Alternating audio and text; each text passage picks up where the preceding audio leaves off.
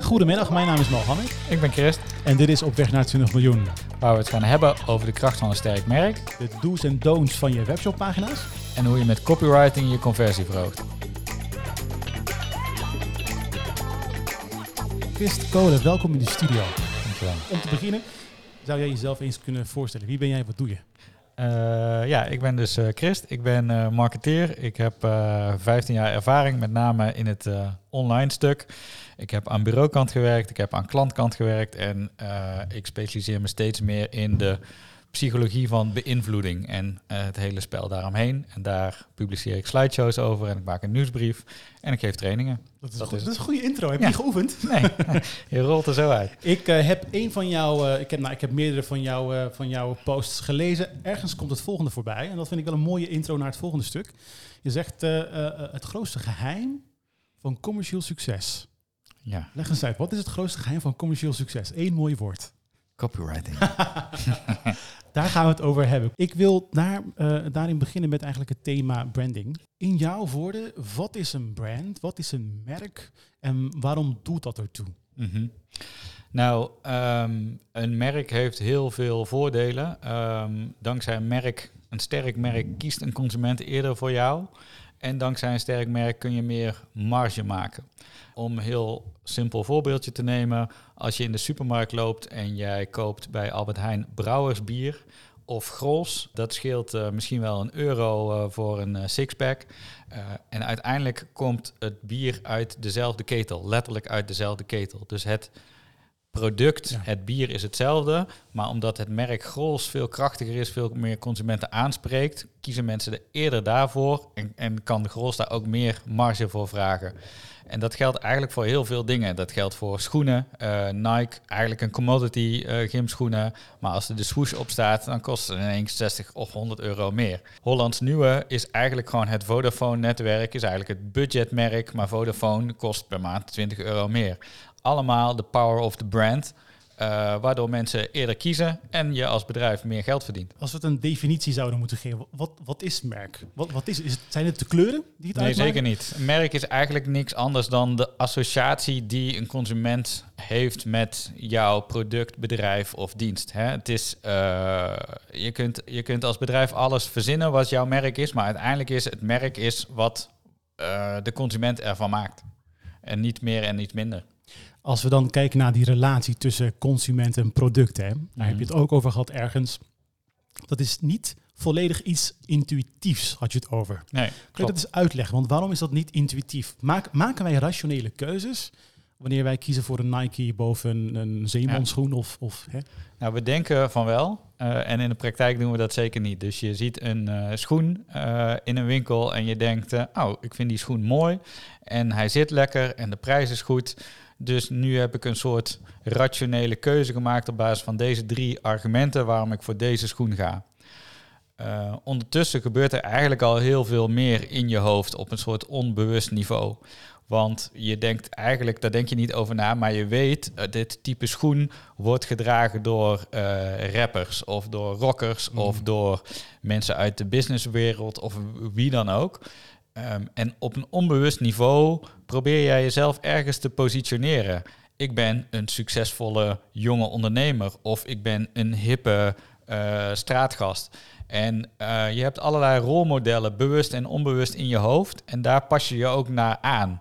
En er is een, eh, een Franse wetenschapper die daar veel over heeft geschreven. Die noemt dat mimetic desire. En mimetic is eigenlijk afleiding en gelijkenis. Dus die voorbeelden, die volg je op een soort onbewust level. Dus je denkt, ik kies die schoen vanwege lekker zitten, goede prijs en ik vind hem er mooi uitzien. En op de achtergrond spelen heel veel onbewuste factoren mee, eh, waardoor je je irrationele keuzes maakt. Als we dit nou proberen door te vertalen naar de, de webshop, die dus op weg naar 20 miljoen is. Hè? Mhm. Nike is ver boven 20 miljoen. Mhm. Hoe kunnen webshop-eigenaar daar, daarmee omgaan? Want stel dat je dus geen Nike bent en Mhm. niet alles hebt waar, wat, wat, wat Nike heeft. Mhm. Maar je bent eh, eh, een bedrijf die wel een merk is, die Mhm. t-shirts verkoopt. Mhm. Eh, of je bent eh, een bedrijf die zwembaden verkoopt. Ja. Nou goed, wat voor een eh, commodity, nou tenminste product dan ook. Ja. Hoe, hoe, hoe doe je dan op dat niveau? Ja, dat is wel grappig, want inderdaad, vaak komt Nike of Apple of, of Coolblue komen naar voren. En Ja. dan, dan denkt de, de gemiddelde ondernemer, die denkt, ja, maar ik ben gewoon, ik verkoop loopfietsen of stoelen of whatever. Dus ik kan me daar kan helemaal niet. mee meten. Ehm, wat mensen vergeten is dat Nike ook gewoon ooit begonnen is als een commodity schoenenverkoper. Die maakte die schoenen niet eens zelf, kocht ze in in Japan en die plakte die swoes erop. Dus die zijn ook klein begonnen, maar wel vanuit een gedachte.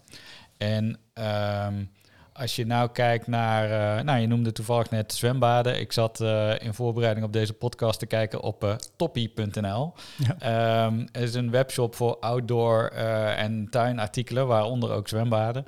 Maar die hebben, is een, een webshop waar je wel meteen een heel fris gevoel krijgt. Waarbij je het gevoel krijgt dat, dat de shop je wil helpen bij de juiste keuze maken. Die met tips komt, die niet alleen maar een database aan producten heeft. En dat is het gevoel wat ik heb bij e-commerce in Nederland. Eigenlijk is het een veredelde database aan producten met een homepage, een categoriepagina en een productpagina. Er staat een prijs bij en een, een koop nu knop. Ja, daar ga je geen merk mee bouwen. Daar ga je geen onderscheid maken. Dus dan blijf je altijd dat mensen gaan voor de laagste prijs of de snelste levering. Maar is dat dan niet gewoon prima? Want als jij de webshop bent die de laagste prijs heeft en die een snelle levering heeft, kan je ook denken, misschien ik heb helemaal geen merk nodig. Het verdient, het, het levert mij geen centjes op. Dat kan, ehm, maar dan betekent dus altijd dat je, ehm, hoe moet je dat zeggen? Je bent dan altijd gevoelig voor als er een toetreder is die zegt, nou, ik ga eh, een jaar lang onder inkoopprijs zitten, want ik wil positie veroveren. Dan ben jij dus weg. Je hebt, je hebt geen enkele eh, toetredersdrempel, zeg maar. Dus je, het is een soort race to the bottom. Als jij iets aanbiedt en het kost 19,80 euro en jouw concurrent doet het voor 19,70 euro, dan zijn er mensen die switchen naar dat. Dan denk je, oh shit, dan moet ik naar 19,50 euro. En zo kom je in een wapenwedloop terecht, waardoor je op een gegeven moment geen marge meer overhoudt en, en verlies gaat leiden. Dus je, je brengt jezelf in een hele kwetsbare... Het kan, maar je brengt jezelf in een kwetsbare positie. Wat is dan precies hetgeen wat, wat een, een brand ehm, eh, oplevert eh, qua omzet? Hoe verhoogt een goede branding de omzet van een webshop? Coolblue, om dat voorbeeld te noemen, is absoluut niet de goedkoopste. Mediamarkt is ook absoluut niet de goedkoopste. En toch gaan er heel veel eh, consumenten wel naar die twee clubs, omdat ze weten, ik kan daarvan op aan dat het snel geleverd wordt. Ik kan ervan op aan dat als er iets mis is, dat ik kan bellen en dat ik vriendelijk word geholpen. Ik kan ervan op aan dat die mediamarkt altijd om de hoek is, weet ik veel wat. Het is gewoon een betrouwbare partij. En misschien kan ik het ergens voor een tientje goedkoper eh, krijgen bij eh www.kozijnshop.nl. Maar als je dan eigenlijk denkt, ja, maar ik wil geen gedoe, nou, dan kies je voor die brand. Dat is best wel interessant, want het is dus eigenlijk niet dat je een hogere conversie per se realiseert. Het gaat meer om de retentie van klanten. Ook, maar ik denk ook nog wel die conversie ook wel. Ehm, is het natuurlijk wel ietsjes moeilijker. Eh, maar op het moment dat je ook een soort one-hit wonder hebt, iemand die heeft iets nodig en die komt op de website en of je hebt zeg maar even de kale database, Mhm. of je hebt eigen fotografie, goede teksten, eh, vriendelijke knoppen, noem het allemaal maar op, waardoor je gewoon het gevoel krijgt, oh dit, dit bedrijf probeert er iets meer van te maken dan een dozenschuiver. Heb je daar een bepaald gevoel bij, dan krijg je weer die onbewuste beïnvloeding, waardoor je denkt, ja, ik, ga, ik voel me hier oké bij, ik ga hier bestellen. Ook de one-timer die kan dus ehm, de laagste prijs eh, eh, aanpak eigenlijk opzij Ja. zetten en toch denken van het is zo gaaf. Ja, Ik zeker. wil bij dit bedrijf. Ja. Super interessant. Ehm, we willen hiermee aan de slag. Ik ben een bedrijf, ik heb een webshop. Oké, ik wil nu betere copy. Of ik wil, nou goed, kijken naar hoe mijn copy staat. Hoe ga je ermee aan de slag? Ehm, nou, ik denk dat heel veel bedrijven ehm, hebben producten op hun site staan en die beschrijven dat vrij feitelijk en daarmee ook vrij saai. Voor de mensen die al weten, ik wil dit product hebben, is het prima, want die zijn op zoek naar die, zeg maar even die saaie kenmerken. Maar als ik nog in de fase zit, ik ben iets aan het zoeken, dan wil ik even meegenomen worden in waarom heb ik nou dit product. Ehm, dus eh, ik heb eh, kinderen en ik wil een loopfietsje kopen, om maar iets te noemen. Eh, ik koop nooit loopfietsjes, want ja, wanneer koop je die dingen nou? dus ehm, ik, kom, ik typ loopfiches in op Google. Ik kom op een website en dan, dan komen er 60 van die dingen tevoorschijn. En ze hebben allemaal ongeveer hetzelfde verhaal. Terwijl als ik op een website kom die even uitlegt van nou, er zijn verschillende soorten loopfietsjes. Eh, ze zijn van staal, ze zijn van hout. De voordelen van dit is dit. Uh, van staal heb je, moet je wel opletten dat het roestvrij staal is, et cetera. Bovendien, als je deze koopt, die heeft ook nog een stuurbeveiliging, zodat het ding niet omklapt. Dan neem je iemand mee in zijn keuzeproces. En dan denk je eigenlijk, oh ja, weet je, dan heb ik niet gewoon twee wielen, 13 inch uh, en rubberen handvaten. Maar je beschrijft eigenlijk gewoon, je neemt iemand mee van, oké, als je hier naar op zoek bent let dan hier en hier op en daarom en daarom is dit product goed. Uh, terwijl heel veel ondernemers eigenlijk gewoon alleen maar zeggen: dit is het product, dit zijn de voordelen en daar is de koopknop. Dus dat is vrij kaal. Ja, en dat is eigenlijk wat, uh, wat je net beschrijft, is eigenlijk een blog. Bijna wel, ja. ja. zeker. Of uh, wellicht een product, uh, productdetailpagina waarin het product wordt uitgelicht en kort wordt verteld van hè, wat, mm -hmm. uh, wat, wat je ermee kan. Maar als we het dan bijvoorbeeld hebben over een homepagina. Op een homepagina heb je nooit lappen tekst. Kan je daar ook wat mee of is dat eigenlijk vrij standaard? Dan kan je niks mee. Nou, ik denk zelf voor een e-commerce website dat eigenlijk de homepage en de categoriepagina het belangrijkste zijn. Belangrijker nog dan een productdetailpagina Oeh. of een checkout pagina. Waarom? Uh, nou, heel veel uh, specialisten die beginnen eigenlijk andersom. Die zeggen eigenlijk, ah, de winkel, maar daar moet je, daar moet je optimaliseren. Want ja. dan, daar zit de consument en die vergeet dan dingen. Dan moeten we een e-mailprogramma. En ik zeg eigenlijk, vergeet heel die shit. Vergeet gewoon heel die shit. Begin aan de andere kant. Ja. En mijn argumentatie daarbij is dat op de homepage en op de categoriepagina ben je mensen aan het helpen met het maken van de keuze. Dus, dus de homepage die moet eigenlijk zeggen dit is waar je bent en dit is het voordeel van website XIZ. Dan is het vervolgens eigenlijk een soort gateway naar uh, de categoriepagina. Ben jij op zoek naar tuinmeubelen of zwembaden of uh, whatever. En misschien is die categoriepagina wel het nog belangrijker dan de homepage, omdat je daar geholpen moet worden. Dus ik wil een zwembad kopen. Ik weet niks van zwembaden. Geef mij even in het heel kort het overzicht van kunststof baden tot en met betegelde, de kosten, de impact, het onderhoud en dat soort dingen. En dan kan ik de keuze gaan maken op die productdetailpagina. En als ik eenmaal daar ben, dan hoef ik alleen nog maar te klikken en dan is het eigenlijk, ik zeg niet dat die checkout niet belangrijk is, maar dan gaat het eigenlijk meer om de usability, de gebruiksvriendelijkheid. Maar daar moet je niet meer proberen mensen te overtuigen. Daar moet, het, daar moet je gewoon de basis goed doen. Uh, maar, de, maar de keuze wordt al eerder gemaakt. En ik, ik zeg dit zo stellig omdat ik dat zo op een heel ander niveau zie uh, bij mijn slideshows. Mijn conversiepunt is een nieuwsbrief-inschrijving. Mm -hmm. um, ik heb een heel simpel inschrijfformuliertje. Uh, je kan je e-mailadres invullen, er staan een paar social proof dingetjes omheen. De conversie van die pagina is 80%. 80% van Dat de mensen die hoog. op, die op die pagina komt, die converteert.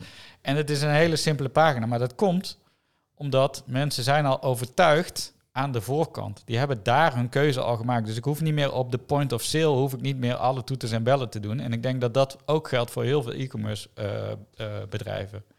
Dus je moet je overtuiging naar voren trekken in plaats van naar achter. Als je mensen nog moet overtuigen op de checkout pagina, dan ben je eigenlijk al te laat. Ja, en dan hebben we het eigenlijk over overtuigen met, met tekst. Ja. Met een verhaal, met, met informatie. Ja. Um, want je hebt ook op de checkout pagina natuurlijk bijvoorbeeld uh, simpele uh, USP's of simpele uh, versterkingen zoals stelle levering en, en mm -hmm. 24 uur support of mm -hmm. dat soort dingen. Wat vind je daarvan? Nou, ik denk dus in principe zie ik dat als een soort microcopy. Dus je hebt eigenlijk copy die overtuigt. Ja. Uh, dat doe je op de productpagina, op de homepage, noem het allemaal maar op. Dan heb je eigenlijk zo'n checkout pagina. Um, daar moet je met name zorg wegnemen. Mm. Dus wat gebeurt er als ik niet thuis ben op het moment van bezorgen? Wat gebeurt er met de betaling? Uh, hoe snel kan ik leveren? Weet je, dus alle vragen die mensen nog hebben over, hmm, is dit nou wel handig om te doen? Neem die weg met de kort statement of doorverwijzen naar je veelgestelde vragen of weet ik veel wat. Niet meer overtuigen, maar veel meer de bezwaren of de drempels wegnemen. Omdat de overtuiging er al is en Precies. je nu eigenlijk alleen nog maar de zorgen Precies, op. precies. Hoe, oké, okay, dat, is, dat is overtuigen, dat is best wel, dat is, dat is een groot woord, mm -hmm. vind ik. Um, hoe doe je dat? Daarvoor moet je daar goed alleen informatie over brengen, daar red je het niet mee. Eh, hoe, hoe start je daaraan als e-commerce bedrijf? Stel dat ik eh, gewoon los even van die webshop nog, Mhm. ehm, ik verkoop zwembaden Mhm. en ik wil mensen overtuigen. Waar start je? Ik eh, geef in mijn trainingen eh, behandel ik de PAS-formule. En die is misschien ook wel leuk om hier even te benoemen. En PAS staat voor Problem, Agitate, Solution. Oké. Eh, dus in, wat, wat ik net zei, mensen beginnen eigenlijk vaak bij de oplossing. Maar wat nou als je begint bij het probleem? Dus ik wil een zwembad.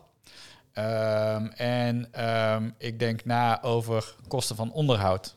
Ehm, nou, dan kan je dus eigenlijk zeggen, snijd dat probleem eens aan. Hè? Eh, veel, bij veel zwembaden, wat veel mensen vergeten bij zwembaden, is het onderhoud. Want in de herfst eh, waar je de bladeren in, in de zomer moet je met chloor aan de slag, eh, vieze voeten, zonnebrand, allemaal dat soort dingen.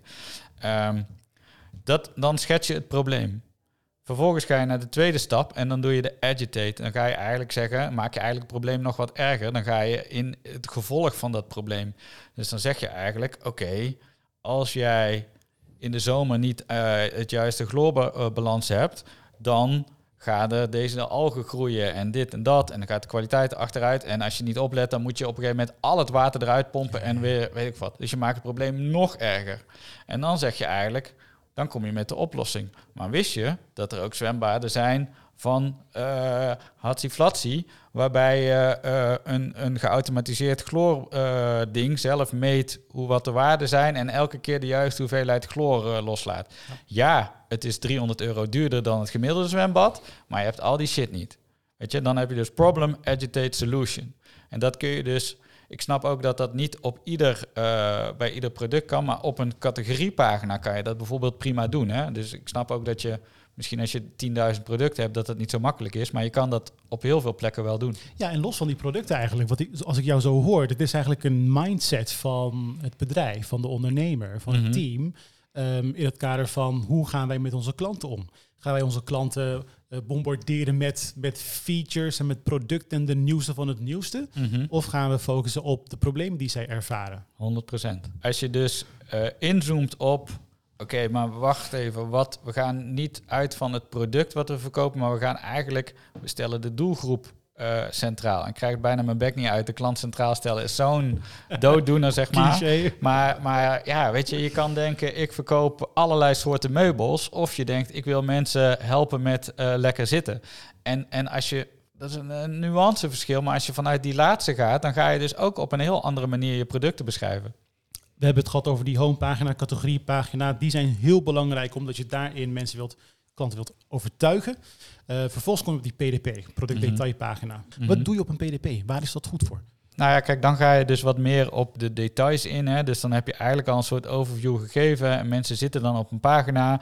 En dan willen ze eigenlijk ook weten, oké, waar is dit uh, goed voor? Nou, weet je, en dan zijn het een aantal dingen.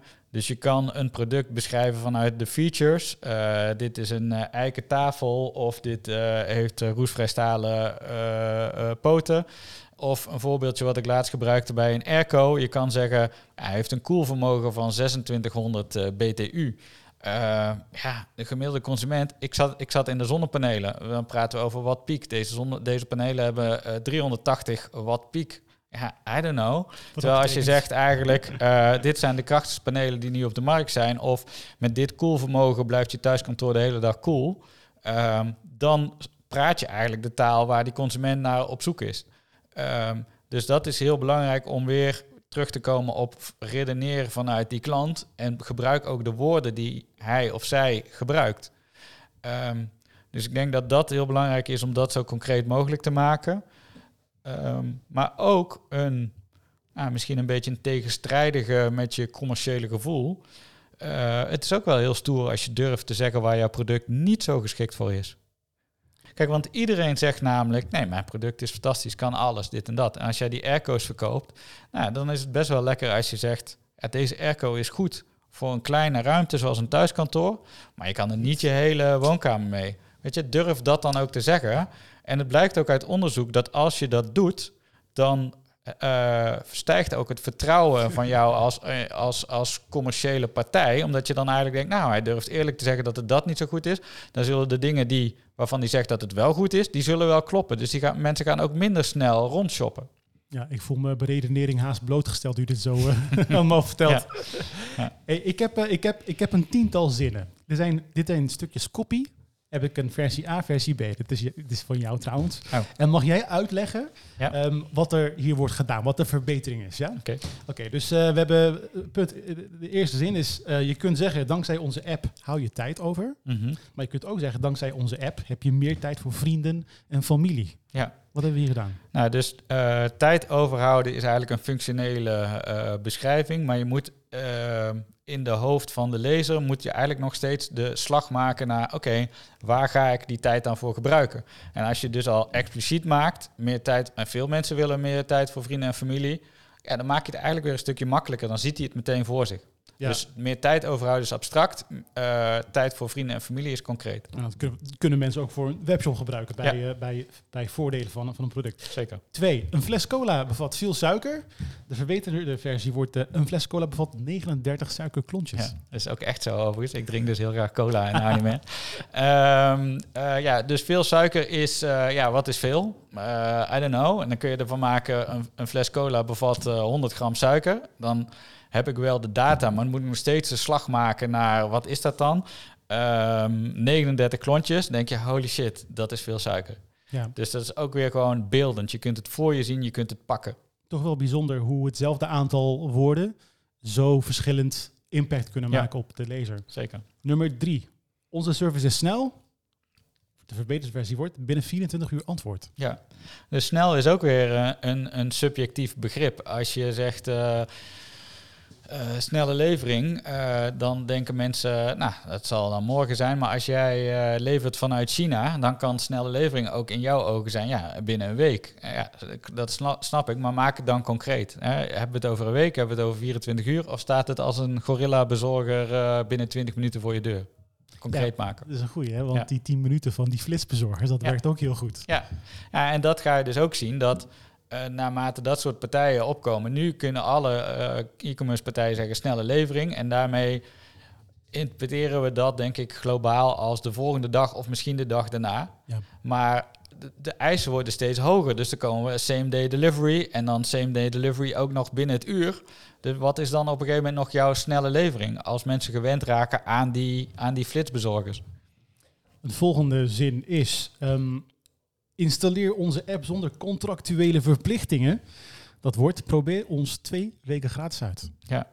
Ja, dus dit is ook een voorbeeld van jargon en contractuele verplichtingen is misschien uh, uh, heel zwaar geformuleerd, maar je ziet het wel uh, in, in veel andere situaties ook dat je ja, het is een soort dikdoenerij en veel mensen denken, oh ja, dat is professioneel taalgebruik. Alleen uh, mensen willen het gewoon simpel. Dit, dit snap je veel beter als je het gewoon zegt, uh, probeer het gewoon twee weken gratis uit.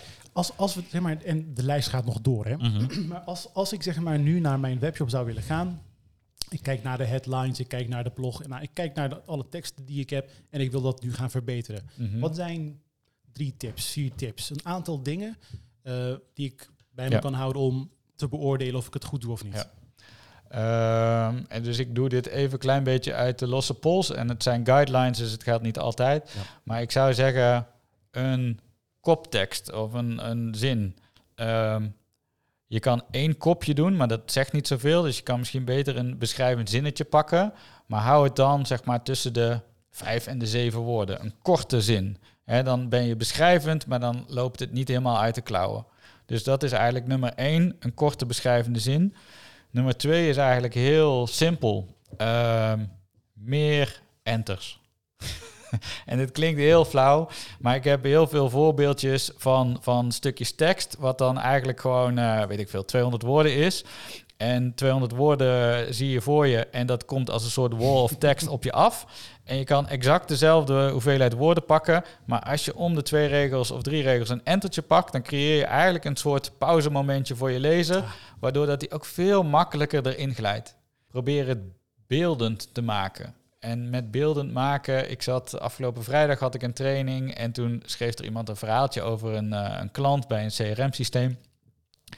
En uh, die beschreef eigenlijk van ja, dat is fijn, want als die klant dan op vakantie gaat, dan heeft hij uh, geen gedoe meer in haar hoofd, want alles staat in het sy- systeem. En dan, nou, oké, dus je had als een soort testimonial opgeschreven. Dan zei ik, ja, oké, die klant gaat op vakantie, maar noem dan gewoon Marieke van Essent ging dit jaar naar Zuid-Frankrijk. Ja. Weet je? Eh, een klant ging op vakantie, abstract, je doet niks met je, maar Marieke van Essent ging naar Zuid-Frankrijk. Dan weet je meteen, oh ja, groot bedrijf, veel contacten. Ze wilde gewoon lekker in de zon zitten en ze wilde geen gedoe met de CRM. Dus gewoon het beeldend maken van whatever je beschrijft. En nou, ik denk zeker e-commerce bedrijven die bijna altijd producten verkopen. Een product kun je oppakken, kan je zien. En als je in dat taalgebruik, waar gebruik je, waar gebruik je het voor? Maar beschrijf het dat je het voor je kan zien. Nou, eigenlijk dus gewoon wat meer leunen naar, naar, naar de emotie in plaats van volledig op de Precies. ratio. Precies. Wat Coolblue overigens heel goed doet. Ja. Hele leuke menselijke taal. Ja. Kijk, en ik denk dus ook dat eh, je begon straks over, of in het begin over het kracht van het merk en het irrationele beslissen.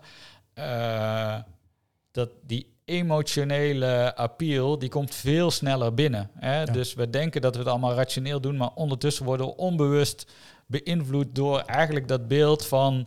Ze ging naar Zuid-Frankrijk en ze wilde geen gedoe. Nou, en dan denk je meteen, oh ja, dat wil ik eigenlijk ook wel. Terwijl iemand ging op vakantie, dan denk je nog, ja, het zal wel. Stel dat ik nu weet als, eh, als e-commerce manager van... Oh ja, oké, wij gaan dus inspelen op emotie. Kan ik nu gelijk teksten herschrijven? Is het dan een succes? Of is dat toch echt wel iets waar je iemand voor moet hebben? Ja, ehm, het is en-en. Ik denk dat je heel veel zelf kan. Veel meer dan je misschien eh, denkt, maar het, het vergt wel effort. Eh, en het is ook niet altijd makkelijk om dat te doen. Dus eh, voor alles is een specialisme. Tegelijkertijd denk ik, waarom vind ik copywriting zo belangrijk? Omdat dat nou eigenlijk net iets is wat je als website, eigenaar, ondernemer, eh, weet ik veel wat, dat kan je zelf. Je hoeft niet meteen een developer te bellen die de klok laat lopen aan 150 euro. Ehm, dus ik geloof in de kracht van copy, omdat je daar heel veel invloed op hebt en dat je daarmee mensen kan sturen en dat je dus niet afhankelijk bent van allerlei specialisten eh, in de basis. Kijk, als je het echt alle puntjes op de i wil zetten, dan eh, ja, moet je misschien een training volgen, maar eh, of een boek lezen kan me niet schelen, maar je, je moet je er wel in verdiepen.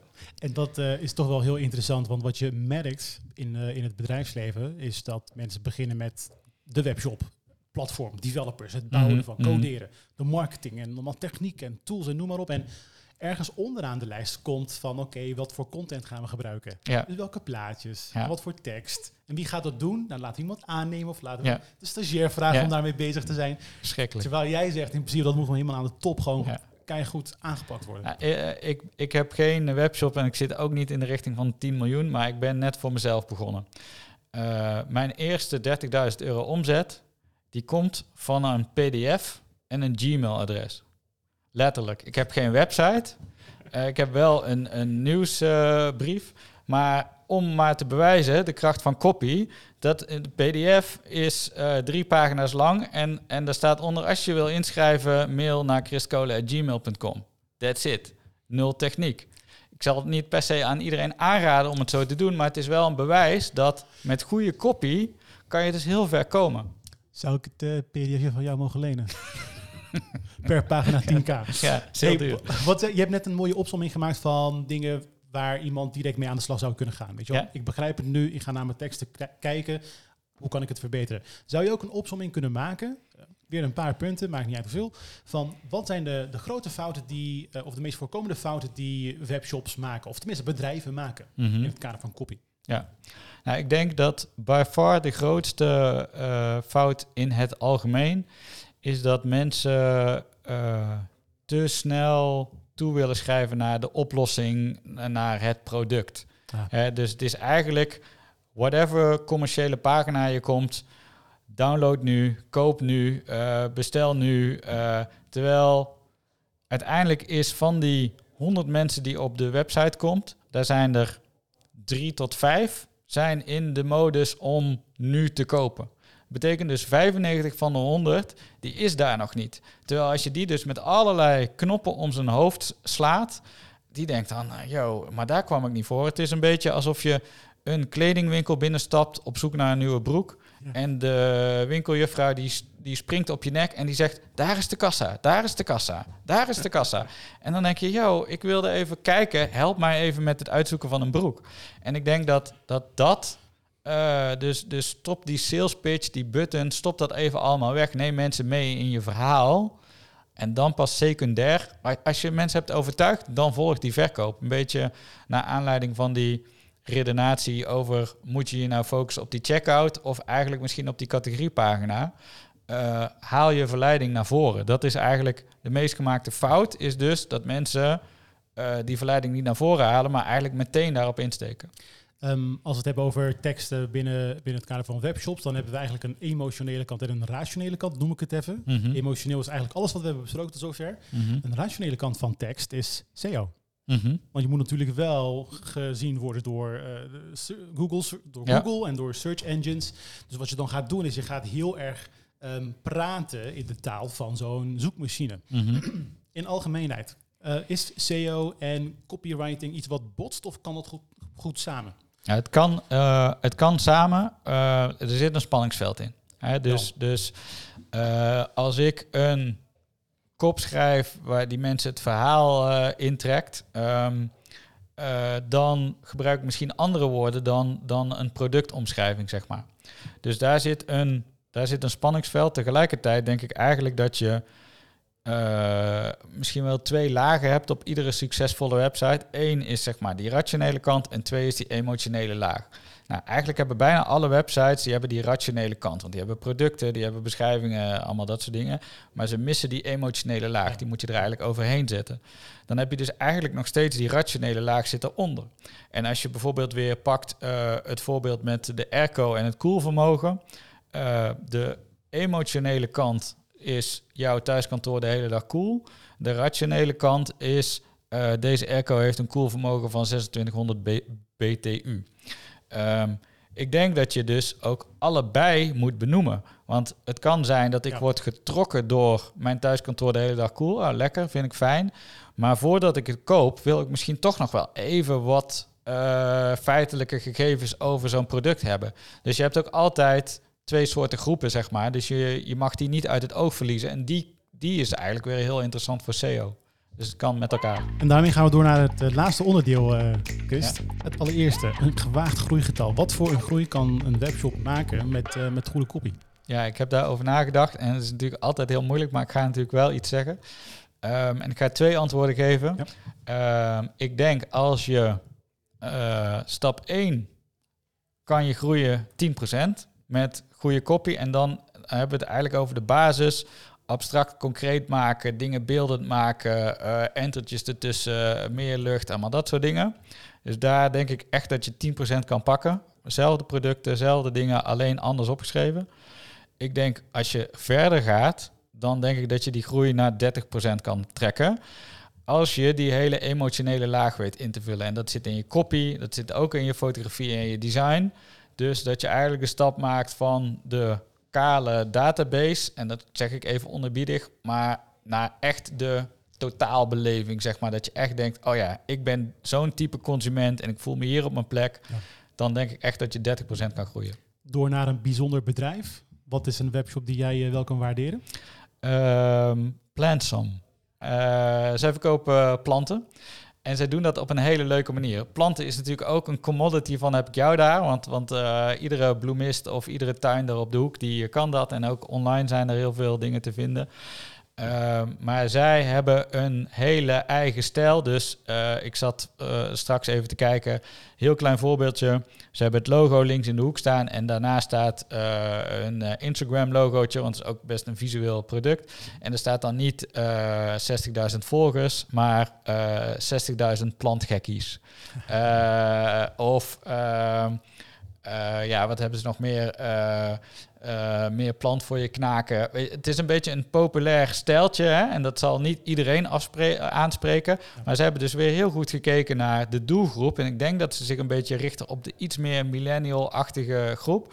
Die misschien niet zoveel weet van planten, maar wel een leuk groen huis wil hebben. Dus dat zijn niet de boomer uh, ouders, die, die vinden dat stijltje niet lekker. Maar ze hebben dus weer heel goed gekeken naar wat wil deze groep, wat vindt hij belangrijk. En daar is alles op afgestemd. Maar wat nou als ik zeg dat ze hebben een grote fout gemaakt, want heel veel andere mensen buiten die doelgroep die verliezen zijn nu. Mhm. Don't care. nou ja, dus ik denk uh, dat is een, dat is een, een, een uh, begrijpelijke gedachtegang. Dat je eigenlijk denkt, ik wil een zo groot mogelijk marktsegment Precies. pakken. Um, maar ik denk, als je alles bent voor iedereen, ben je niets voor niemand.